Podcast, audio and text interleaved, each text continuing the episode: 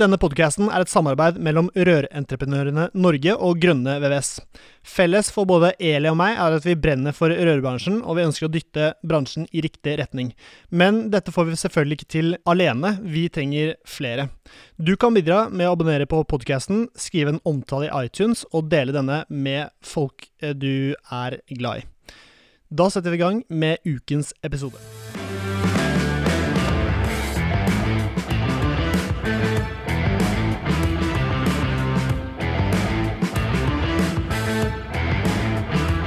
Hei og hjertelig velkommen til en ny episode av Bare Rør med Eli Hermine Heidal Eide fra Rør-Norge og Severin Poppmidtleide fra Grønne VVS.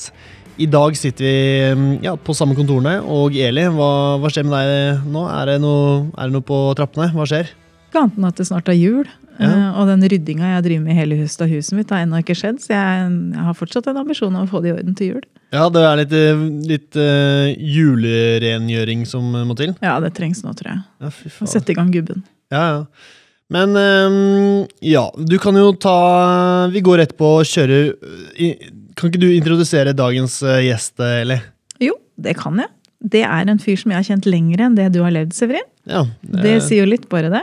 Så voksen som du har blitt. ja. Han heter eh, Per Eivind, eh, og han heter Larsen til etternavn. Og Han er en, jeg vil kalle han en innreguleringsguru.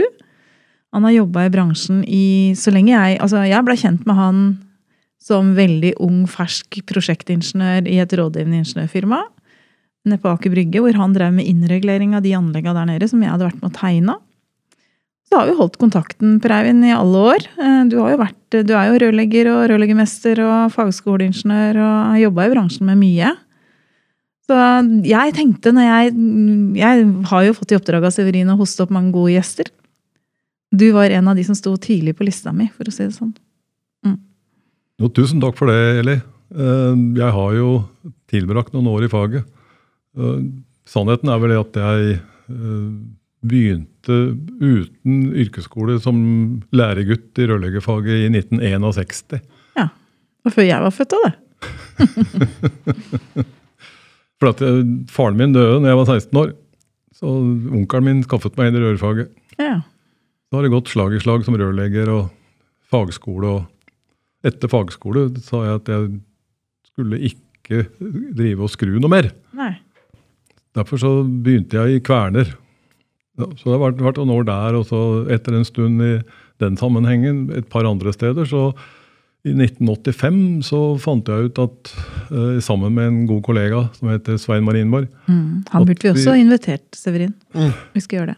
eh, Han og jeg vi fant ut i ja, cirka i slutten av 85, 84-85 så fant vi ut at det å begynne med innregulering, det måtte være noe. For det, eh, det firmaet du var knytta opp mot, annet, spurte etter folk som kunne innregulere. Og det hadde kommet strupeventiler med måleuttak. Mm. For det hadde jo ikke vært på markedet før. Thea hadde jo begynt å markedsføre det. Mm.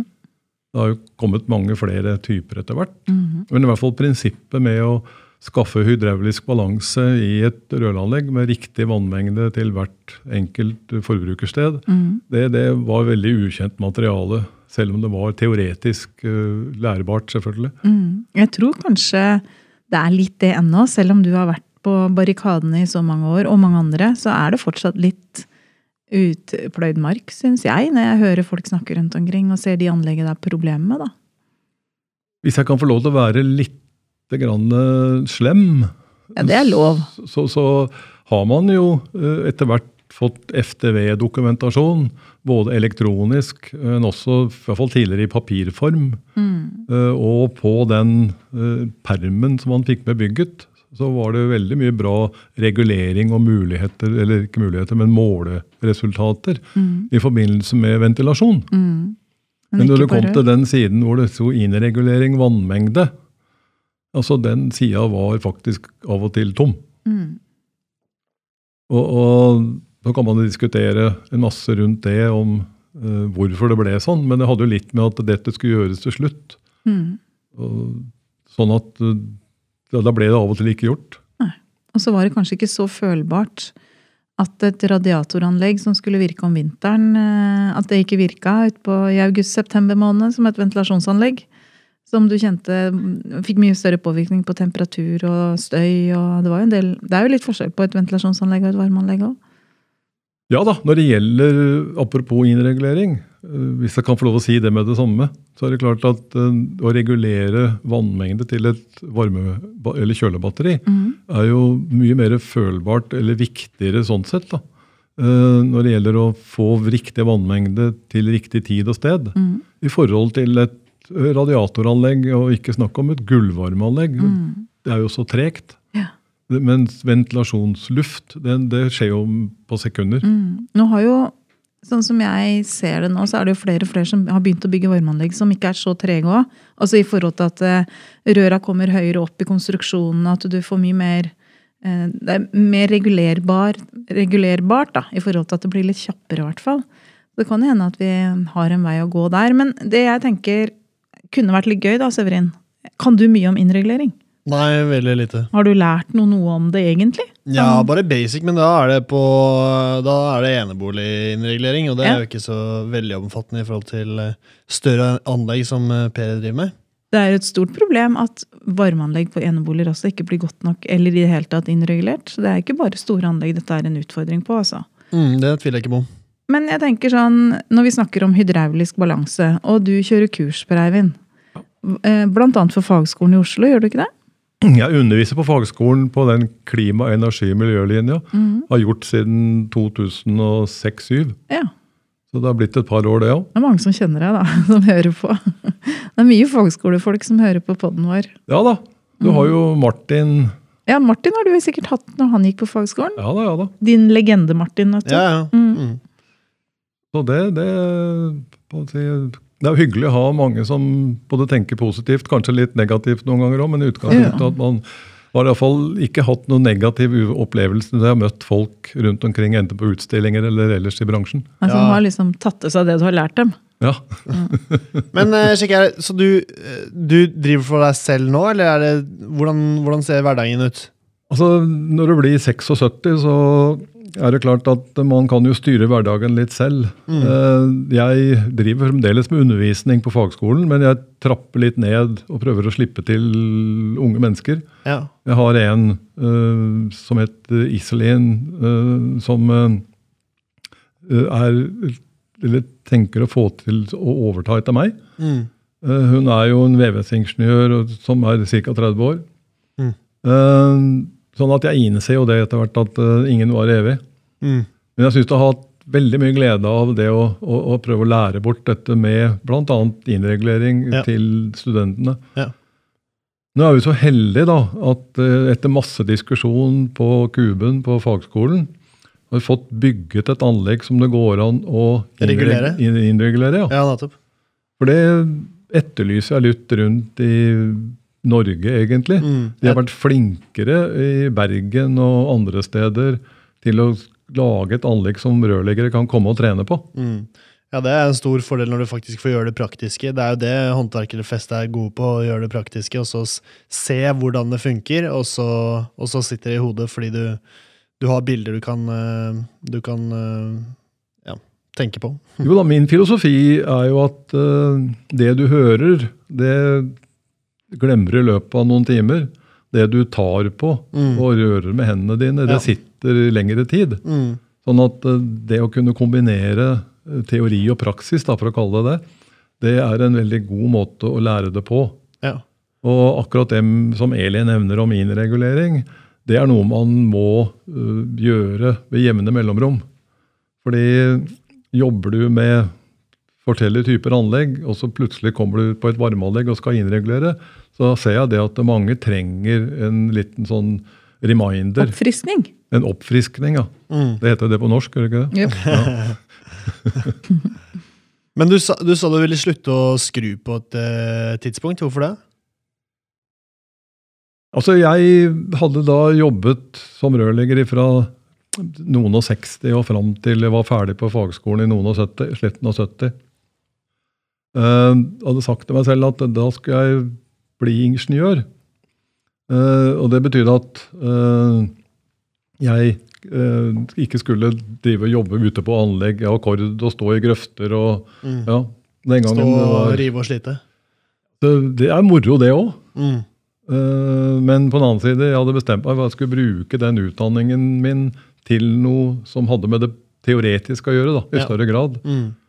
For det er i hvert fall min måte å si til studentene på fagskolen at eh, når du først har gjennomført fire år på KEM, Mm. så, så, burde du bruke det uh, mye Fortjener du på en måte å bruke det på noe annet enn stå Ja, ikke, ikke, ikke, jeg er ikke helt enig med deg i fortjene heller. For det, det er litt opp til deg selv. Skal du da, det er ikke noe galt i det å jobbe som rørlegger videre. Mhm. Men hvis du har først tilbrakt så mange timer på skolebenken, hvorfor ikke da bruke det til å prosjektere i større grad enn å utføre? Mm.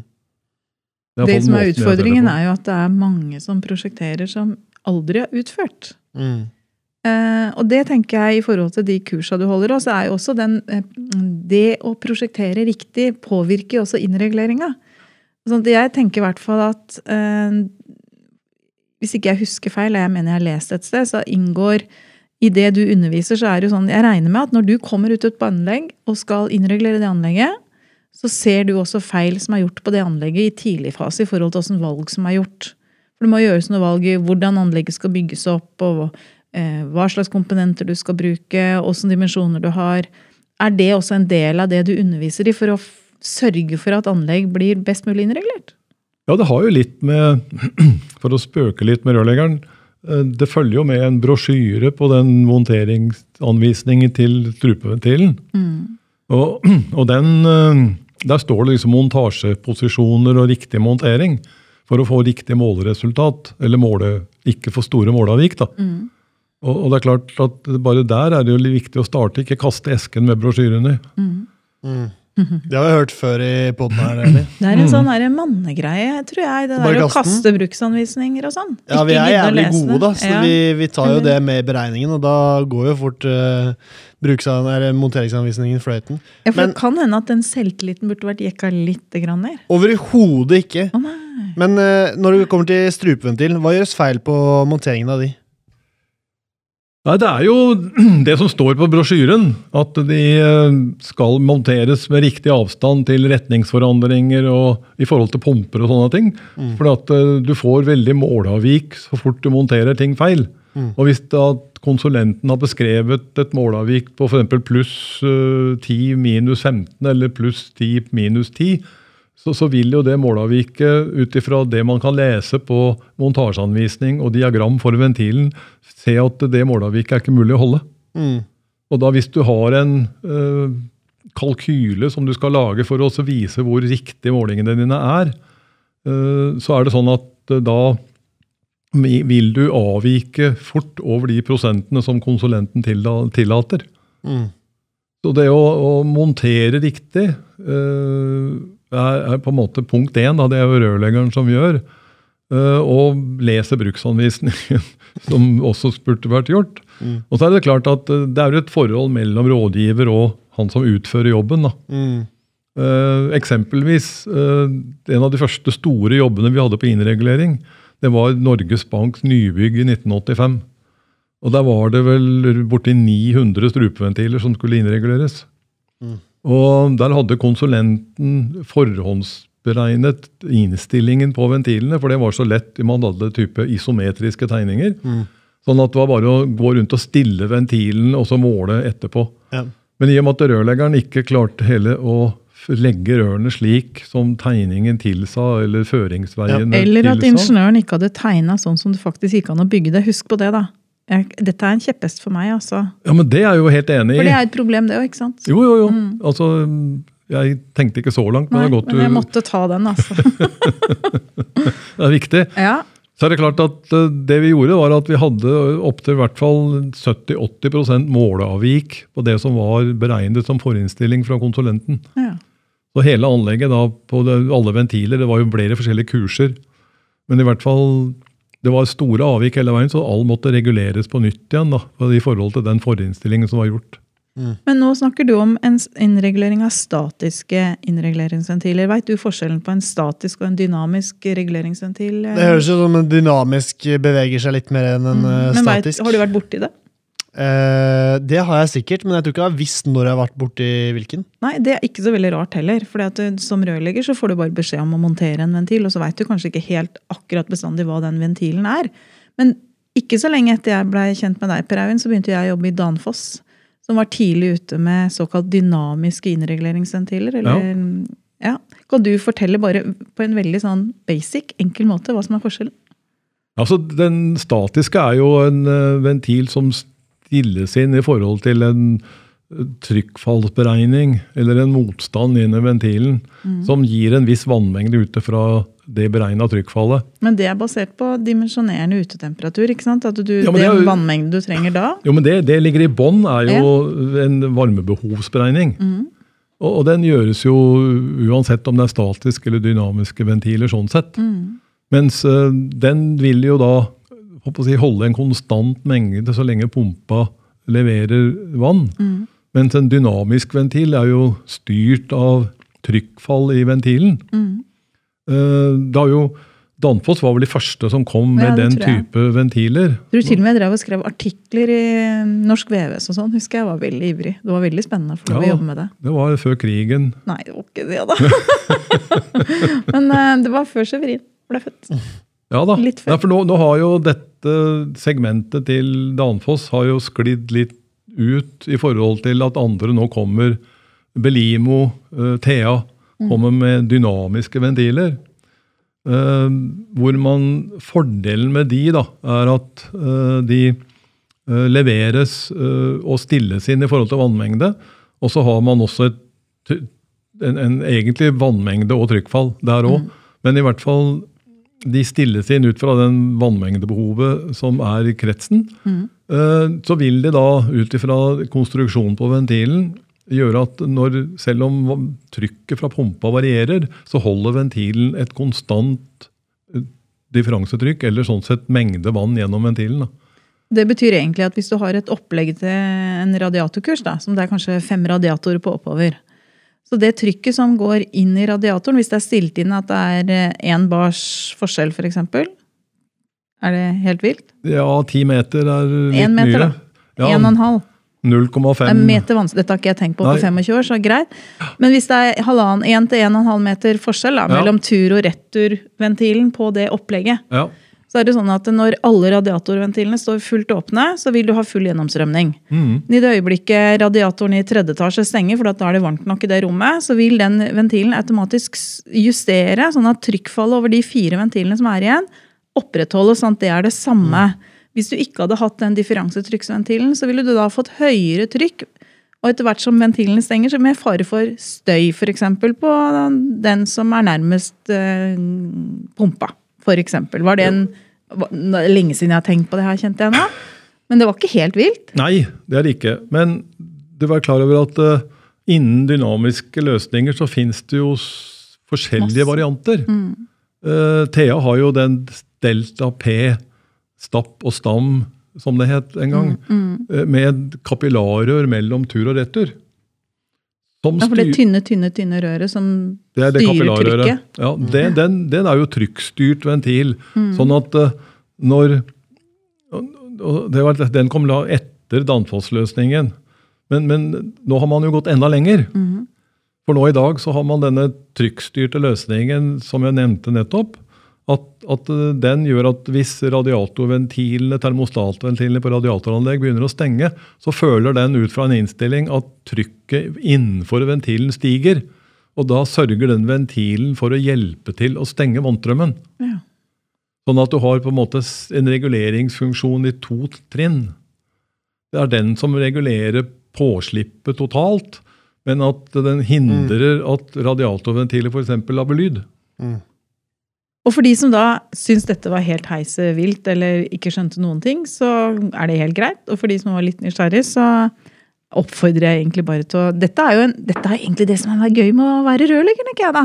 Det er så uante muligheter i hva du kan spisse kompetansen din på å lære deg. Og hvis du går ordentlig inn i det her, så blir du en sånn som deg, som kan alt om det. Takk for det, Eli. Uh, Men jeg tenker jo at du kan det, Per Eivind. Jeg kan iallfall ganske mye. Ja. Jeg, jeg, den dagen jeg kan alt, så tror jeg jeg har en sånn, da har jeg en sånn liten ur, ligger en liten urne med litt gress på taket. Ja, ja. Da får vi håpe det er mange år til, da. At du kan alt, egentlig. Så, så ja. Men, men det, som er, det som er grunnen her fra starten av, det er liksom For å ta det litt raskt, da. Det er jo at innregulering starter alltid med det ytterste produktet i anlegget. Om det står en ventil der. Nei, nei. Som, som er ja, en ventil, men på en radiator. Ja, ja. Eller på Eller en gulvvarmefordeler. Ja da, men vi snakker også om kjøling. Mm. Eh, Det kan være også en lokal kjølesak, egentlig. Mm. Eh, Men i hvert fall, det er der hvor man, der hvor man regner og lage et trykkfall som man har beregnet på forhånd. Mm. eh, Via konsulent eller andre. Og så, etter at man har gjort en forinnstilling, som det kalles, eller en innstilt verdi for alle de ventilene ute i anlegget, Mm. da først kan man begynne å regulere vannmengder på strupeventiler og sånt noe. Men når du monterer radiator, Severin, Mm. har du oppdaga at det er noe som heter forinnstilling på de? Uh, nei, jeg har vel ikke det. Nei, men det er sånn at uh, på. Jeg regner med at Jeg kles av på podden. Nei, ja, jeg syns egentlig du er ganske raus, som bare forteller sånn som det er. Og det, jeg, er Jeg syns som du er litt slem som bare spør. Nei, men jeg tror det er ingen som går rundt og forventer at du faktisk kan det. For at det, det må du på en måte ha blitt lært en gang. Og det er veldig få som lærer det mens de er lærling. Og hvis du ikke har jobba veldig mye med varmeanlegg, så er det ikke sikkert du har gått rundt og forinnstilt radiatorventiler, f.eks. Men åssen er en forinnstilling på en radiatorventil, Per Eivind? Og det er jo For det er en for- enkel del av innreguleringsjobben, er det ikke det? Jo da, og den skal jo beregnes. Eh, Men i prinsippet så er det sånn at enten så kan du gjøre det på turventilen til radiatoren, eller på returventilen. Eh, som Mm. Men det er der termostaten står, ikke sant? På turventilen, Mm. ja. Eh, Og, og det er klart at Bra, eller? Det er, dette er sånne ting som lå så langt bak i hjernebarken at jeg må grave det fram igjen. Men så finnes det jo type ventiler som selges pga. pris, eh, ikke har forinnstilling. Mm. Da kan man også bruke returventilen til å forinnstille. Mm. Ulempen med det er selvfølgelig at når det kommer en, eh, en Severin Som ikke kan noe om innregulering. ja, og så skal reparere radiatoren, Mm. så tar den og stenger eller strup, eller gjør noe med ventilen, og så setter han ikke den tilbake der han var. Men, men sånn er livet bare. Jo, men derfor så er det litt viktig at eh, for alle de som hører, da, at eh, det er litt sånn Har du tukla med den? Altså, sørg for at du veit altså, Hvis du ser Det er litt sånn Hvis du skal bytte en radiator, så er det en ost er ikke en ost, da, for å si det sånn, sånn som den reklamen sier. Nei da, og for å ta et sånt litt artig eksempel, så var det sånn at når eh, Eli gikk i kortbukser, så satte man i radiatorventilen et liten mynt. Så det ut som det var en skive med et hull i, som faktisk var forinnstilling av radiatorventil. Det var en mann i Norge som beregnet forinnstilling ved å putte inn sånne små skiver med hull i i radiatorene for å lage en forinnstilling. Så hvis du kommer borti ordentlig gamle radiatorer, Severin, så åpner du, hvis du skal da demontere den, og så tar du, kobler fra røra, og så kikker du inn i ventilen, så kan du faktisk risikere å lure på hva faen er det her? Jo, det var det han Per Eivind nevnte. Det ser ut som det ligger en liten kronestykke eller en tiøring med høl i der. Ja. Og det er rett og slett en forinnstilling for at den radiatoren ikke skal ta alt vannet fra den kursen. For det er jo derfor du Ja, forinstiller, nettopp. for at du skal klare å fordele. Litt av reduksjonsventil. Eh, Ja, på en måte, Ja, det er det. De, ja. Ja da, Det er sånn Robin Hood. Ja, Ta fra de rike og gi til de fattige. Ja, du er fordeler godene. Ja. Du fordeler godene, egentlig, da. Wow. Ja, Det er der han puttet pengene. ja Ja inni radiatoren. Nei da. Men ikke for å være for teknisk, men i hvert fall så er det jo slik at uh, noen da, som, som ikke er Severin, men som ikke tenkte i det hele tatt, de kastet jo den dumme Mynten. skiva som lå Ja. der. Hva var vitsen med den? Ja, det bare blei så trangt rør, gitt. Ja. Ja. Sånn at uh, det ligger jo av og til grei beregning og filosofi bak løsninger. og Er det forinnstilt, så må man prøve å sette det tilbake det man hadde før man skrudde på ting. Og, og Det samme er jo da med andre typer ventiler, sånn som strupeventiler og sånn, da man ikke forandrer på innstillinger, for det blir jo feil i forhold til innregulering. Mm. Og da er det jo en av mine kjepphester. da, Det er jo når man skal gjøre sånne tiltak i et anlegg, iallfall litt større karakter, så burde man jo egentlig spørre driftspersonalet hvor er den innreguleringsprotokollen som ble laget når anlegget var nytt? For den sier jo litt om at du kan faktisk uh, gjøre tiltak på anlegget, og så kan du ta med deg et måleapparat, og så kan du måle at du opprettholder samme mengde som det det var når anlegget var nytt. Og hvis man gjør de feilene vi har diskutert nå hittil, så vil man jo oppleve at uh, anlegget blir ute av balanse. Mm. Men hvis du, eh, Per, skulle bytte en radiator i, eh, i eneboligen, hvordan eh, hadde du gått frem da? Hva er det første du gjør, og hva er det siste du avslutter med? Ja, det er jo en lang tirade. Mm. Fra det som når du begynner å tappe ned til du fyller opp igjen. Mm. Men, men med selve den forinnstillingsverdien, så er det klart at jeg vil i hvert fall prøve å søke etter og finne tilbake til den innstillingen på krana eller på ventil eller strupeventil eller radiatorventil på tur og retur. At jeg Mm. på en måte finner tilbake eller noterer mens jeg monterer, Ja. demonterer at jeg får det tilbake i samme stilling. Mm. Det er vel sånn generelt. Men, men villaer er jo litt mindre følsomme. Det er jo mer, kan du si, mer kostnadsmessig på større anlegg. Mm. Men, men uansett så er det jo en feil, enten den er stor eller liten. Mm. Ehm, jeg har pratet med Daniel fra Eiva en, god del siden sist, eh, og han er jo en eh, varmeanleggsentusiast. Hva er det som gjør var varmeanlegg så jækla gøy i forhold til vanlig sanitær? Er det som, hva, hvor er forskjellen? Er det mer teknisk? Hva er casen her? Det er farlig å si noe, kanskje, når du sitter sånn som jeg gjør nå. Eh, jeg eh, ser selvfølgelig at det er utfordringer innen sanitær. Mm. Og det har jo med fall og det har med belastning og masse sånt å gjøre. Men, men det, det har selvfølgelig også økonomiske konsekvenser i noen sammenheng. Mm. Men det med varmeanlegg og kjøleanlegg, det er liksom den derre totale vannsirkulasjonen, hvor du sender vannet ut og har det tilbake igjen. Du har liksom pumper som skal avstemmes i forhold. Som enkelte gjør, setter pumpa på auto-adapt og går derfra Mm. og tror at det går bra. Mm. I forhold til at uh, uh, det ser det også mye tydeligere på regnskap, noen ganger i hvert fall, Mm. når det gjelder energibruk. Det heter jo ikke energiforbruk. Du kan ikke forbruke energi, du bruker energien. Mm. Men det er klart at uh, det at det i sanitær sammenheng det, på å si kloakkstopp, vannlekkasjer Mm. altså Det er mange forhold der også. Mm. Men, men rent personlig så, så, så må jeg si at jeg syns det er mer spennende og utviklende og interessant å jobbe med øh, varme og kjøling. Mm. Og spesielt kjøling er jo også da, øh, kan du si ja, øh, kunnskapsmessig mange har litt hull. For det, det var jo for noen år tilbake da jeg traff Eli, som vi snakket om i stad, at vannbåren kjøling ble mye brukt i store kontorarealer på Aker Brygge og andre steder. Mm. Jeg er jo så gammel, så jeg har også montert damp. Mm. Men det er ikke så mye av lenger. Nei. Forskjellen på kjøling og Vi snakket om det før vi kjørte i gang boden. Forskjellen på kjøling og, eh, og varmeanlegg. eh, At det å kjøle ned noe er veldig mye dyrere enn eh, enn å varme opp. Ja. Forklare den. Ja, det er jo bruk av energi, da. Altså energibruken, som jeg sier. Ikke forbruken. Det er jo sånn at det koster mer å, å kjøle ned. Det har litt med varmepumpeprosessen eller kjølemaskinprosessen å gjøre, da. Eh, Den er elektrisk, stort sett. Eh, Det er en lukket eh, kuldemediekrets. Og alt dette her, det er dyrere, i tillegg til at også det er større vannmengder.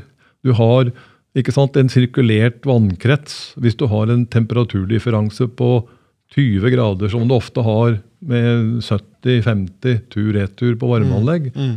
I kjøling så har du kanskje bare 10-12 grader. Mm. Og du skal bruke, frakte samme mengde energi, så, så må du bruke mer vann. Mm.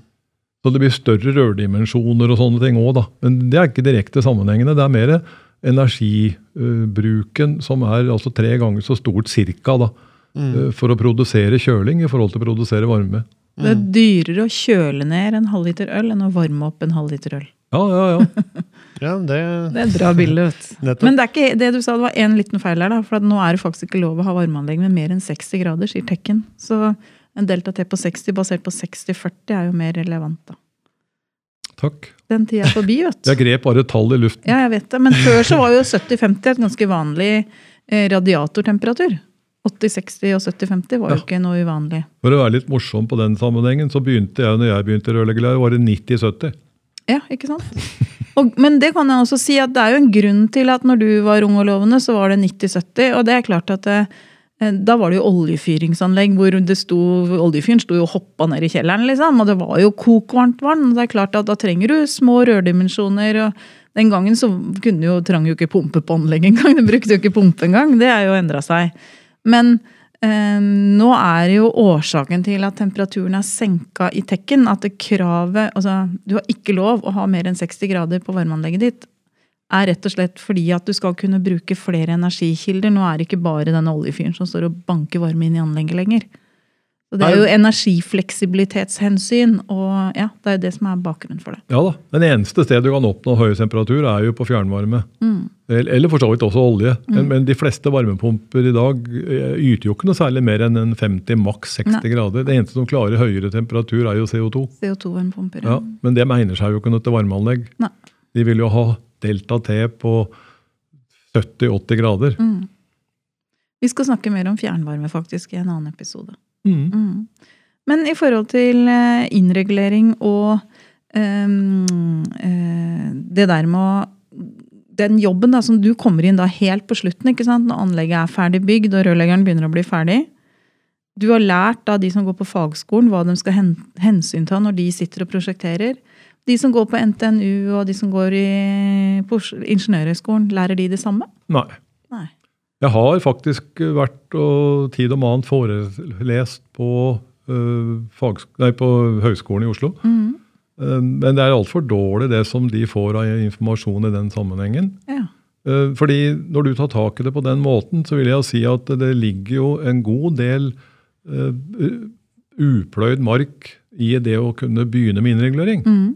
For det som er viktig, er jo at eh, rørlegger og fikk som er han prosjektansvarlig, sørger for at all luft er ute av anlegget. Ja, for der sa du egentlig et stikkord. Det, et, hvert varmeanleggs største fiende, du veit hva det er, Severin? Ja, det er luft, det. Ja. Mm. Og det er jo også en del av prosessen her, at det å, å innregulere er ikke så veldig lett hvis det er masse luft i anlegget. sånn at det å få ut lufta og må, Oppfyllingsprosedyrer er jo sannsynligvis egentlig en innreguleringsprosess, det òg. Ja, for det har du og jeg snakket om før. At det å ha en prosedyre for hvordan man skal fylle opp anlegget. Og det går an å bruke fantasien. Faktisk har vi jo gjort det når vi drev med innregulering. At vi har fått jobben med å fylle opp anlegget og kunnet varme opp vann fra fjernvarmeanlegg eller sånne ting. På Aker Brygge, hvor vi Ja, ble kjent, der ja. brukte vi faktisk vann fra Oslo Fjernvarme. Og Ja. det går an i Det fins jo fjernvarmesystemer i hele Norge. Det går faktisk an å få kjøpt ferdigbehandla, stein dødt eh, vann som er helt perfekt å putte rett i varmeanlegget av fjernvarmeverket du, som er i området der du er. Mm. Det er det mange som ikke benytter seg av. Ja Hvordan går man frem det? da tar du kontakt med Fortum her i Oslo for eksempel, eller det fjernvarmeverket det er snakk om, og så sier du at du, jeg skal fylle opp et varmeanlegg, jeg trenger dødt vann. Mm. Kan jeg få kjøpt det av deg? Og så får du det. Ja, på krukker. Ja, De tror ikke du får det i tiliterskanner, jeg tror du får det litt større formater. Ja. Men poenget er at fjernvarmen er jo veldig opptatt av det med vannbehandling. Mm. Og det å holde riktig kvalitet på vannet. Sånn, og det er jo en avgjørende suksessfaktor. Det har vi jo snakka om tidligere i forhold til Husker du Vann Havar her, Mm. Severin? Det der å ha riktig vann, vannkvalitet. Mm. Så det går det jo an å gå noen snarveier for å få også, faktisk. faktisk. Apropos jeg som er så gammel som jeg er, så hadde jeg møte med Bongar, som var driftssjef på fjernvarmenettet i Oslo for 100 år siden snart. Fordi at vi skulle fylle opp et anlegg eh, fra fjernvarme. Eh, vi fikk ikke lov til å bruke fjernvarme, for det var så høyt trykk. Mm. Men det vi gjorde, var at vi fikk lov til å koble oss til et uttak på tur og retur. Og så monterte vi en provisorisk veksler, sånn at vi varmet opp vannet til en 60-70 grader Mm. via fjernvarmen sirkulerte i veksleren. Ja. Og så varmet vi opp kaldt vann til den temperaturen. For da dreper du lufta, holdt jeg på å si. Da fjerner du mye luft også. Begge deler. For det kan man jo gå inn i Henrys lov, som vi kan sikkert snakke om en annen gang. Men Henrys lov sier noe om hvor mye luft vannet klarer å holde på med en viss temperatur og trykk. Jeg tror at sånn drikkevann som jeg sitter med i handa nå, har mellom 20 og 30 oksygen. Hvis du legger på det dobbelte Er det så mye? ja, Ah, ja, så det er enda mer. For det Ja. ser jo liksom, Nå har dette vannet stått i det glasset riktignok en stund, Jo da. men, men allikevel Det ser jo liksom ikke ut som det er masse luft inni her. Men hvis du Nei. hadde satt det på ei lokka flaske eh, Det er et tips til alle, da. Fyll vann fra springen på en halvlitersflaske som er gjennomsiktig. Skru igjen korken og la det stå en stund, og så følg med på hva som skjer på den flaska. Ja, Det er ganske sprøtt. Da synker det en god del. Du driver med varmeanlegg, så bør du ha gjort den øvelsen, Ja tenker da, ja jeg. da. Er Og det samme kan man jo faktisk gjøre på et varmeanlegg som du har nettopp fylt opp. Og så ta det over på en halvlitersflaske, og så se hvor mye det synker ned i korken. For at sånn prosentuelt, da, målmessig, så er det jo at vi helst vil under en 2-3 prosent, altså 20-30 liter per 1000 liter vann. Da. Mm. Det er to bøtter, da. Tre bøtter med vann. Ja, Ganske mye luft, da. ja. Men når jeg først har deg her, så må jeg bare spørre. Veldig mange rørleggere kommer på anlegg hvor det er støy fordi det åpenbart er luft i anlegget. Og så skal de lufte anlegget. Og så hører jeg veldig ofte at da har vi jo bare en luftenøkkel, og så lufter vi. Hva tenker du når jeg sier det, da? Ja, det er jo, for å si det sånn på godt eh, norsk, høl i huet. Ja, Men det er det mange som ikke tenker over. Det er ikke mer enn en uke siden jeg snakket med en som på fag, en som var student på fagskolen og som hadde et praktisk problem. Mm. eh, Hvor han da, han hadde ikke fått ut luft av anlegget og hadde prøvd flere ganger. Så sa jeg har du stoppet pumpa? Mm. Stoppe pumpa? Ja, sa jeg, For å få ut luft så må du stoppe pumpa og vente eh, en 20 minutter eller kvarter et eller annet sånt, at luften får tid til å stige opp i rørene, sånn at du kan lufte det ut på høydepunkter. Hvis du ikke gjør det, så vil jo lufta gå med rundt og rundt og rundt til evig tid. Så det å få ut luft, hvis du ikke har fylt opp anlegget grundig godt med en gang, da må en jo stoppe pumpene og så få ut luft på alle pumpekretsene i anlegget hvis det er et større anlegg. Mm. Men clouet ligger jo i å I hvert fall når du skal jobbe med sånne ting, det er jo Når du skal tappe ned, begynner jo der. At du stenger ekspansjonskaret.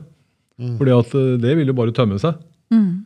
Eh, Du stenger så mye du kan for å bare tappe ned der du har behov for å tappe ned. Og så tømmer du. Og så reparerer du.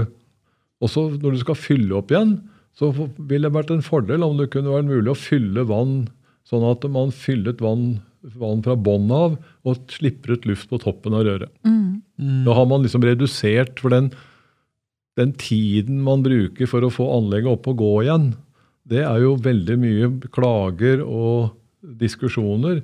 Eksempelvis et rørleggerfirma på et stort hotell for flere år siden i Oslo måtte gå 14 dager med fire mann hver natt for å få luft ut av anlegget, for de hadde ikke gjort den jobben grundig nok.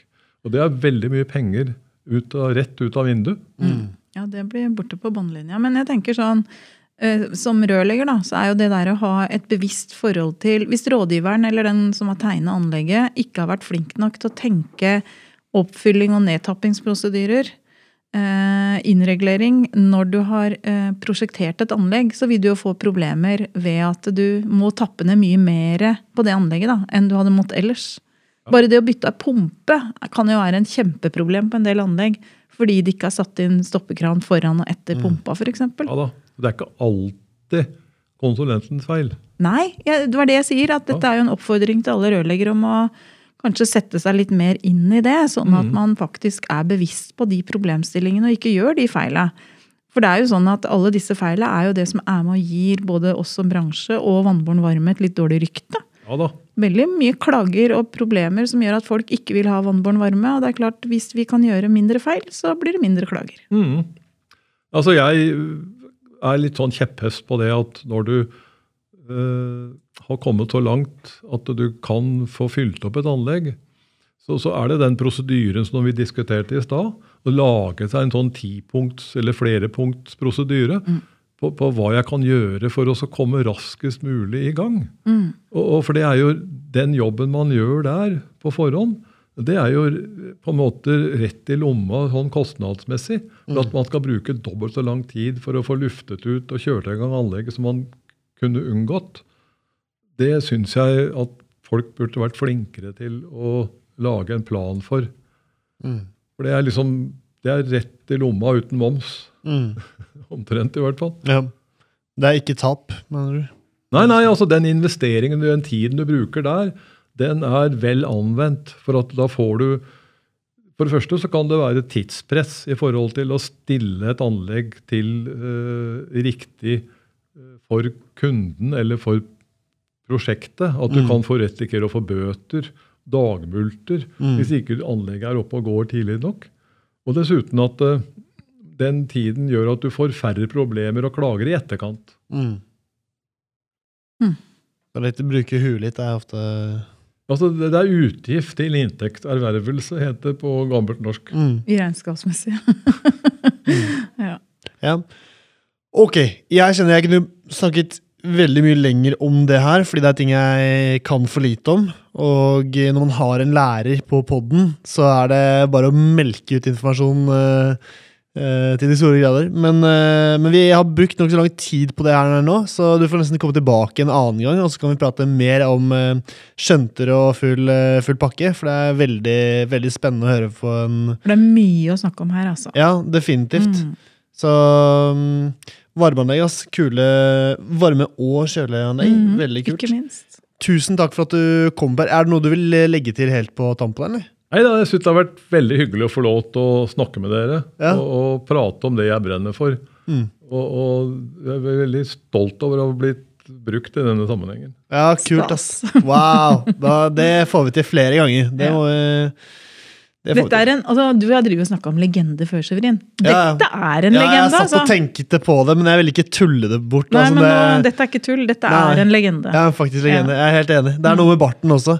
Det, altså vi, jeg, vi vurderer å sende um, For det første, tusen takk for altså De som sitter og hører på nå, de, de syns jo det, det her er ordentlig bra. Når Jeg de håper i, det. Når de har hørt i 40 minutter, liksom. Da, da kan de høre på litt skravl også. så lenge, så Ja, da kan de få litt litt ekstra nuggets på slutten. Ja. Eh, For Per sitter jo her med en eh, bart eh, av en annen verden, og han er jo skikkelig misunnelig med den lille Ja, pusebarten din. Det er litt jelly. Um, den er helt rå. Og så kommer han jo fra Bærum, ikke sant? Eller Bærum Snarøya. Ja. Jeg er født på Adamstua i Oslo, så jeg Ja, okay. sier at jeg er Oslo-gutt. Oslo-gutt. ja, ok, nettopp. Men det er ingen, ingen trønder. Det var eh, Dama var eh, Fruen er trønder. Ja, nettopp. Fruen er trønder, og da er det greit. Men da skjønner du at du må få deg trønder, da, med Severin. Ja, men spørsmålet er liksom hva som kom Var det høna eller egget som kom først? Var det Per som hadde skikkelig lyst på trønderbart og fant kona, eller var det kona som fant en eh, type med trønderbart? Det var nok det siste. Ja, det var det. ja, nettopp. Ja, men da må jeg bare gå for det, så kan jeg droppe dama. For da, da har du ikke så mye å Bart kan du ha uansett. Du har litt nå, da. En liten søt en. Ja, en liten dun. Ja. Ja, men Supert. Da, da sier vi takk for det, og eh, så prates vi igjen om en ukes eh, tid. Takk for praten. Takk for meg òg. Yes.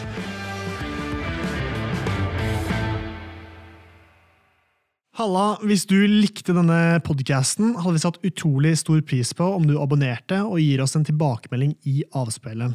Eh, spre gjerne ordet videre til andre i rørbransjen som brenner for rørleggerfaget og er opptatt av å drive en seriøs rørleggerbedrift. Mitt navn er Severin Poppe Midteide, og med meg har jeg co-host Eli Hermine Heidal Eide. Sammen er vi to podkasten Bare Rør med Eli og Poppe.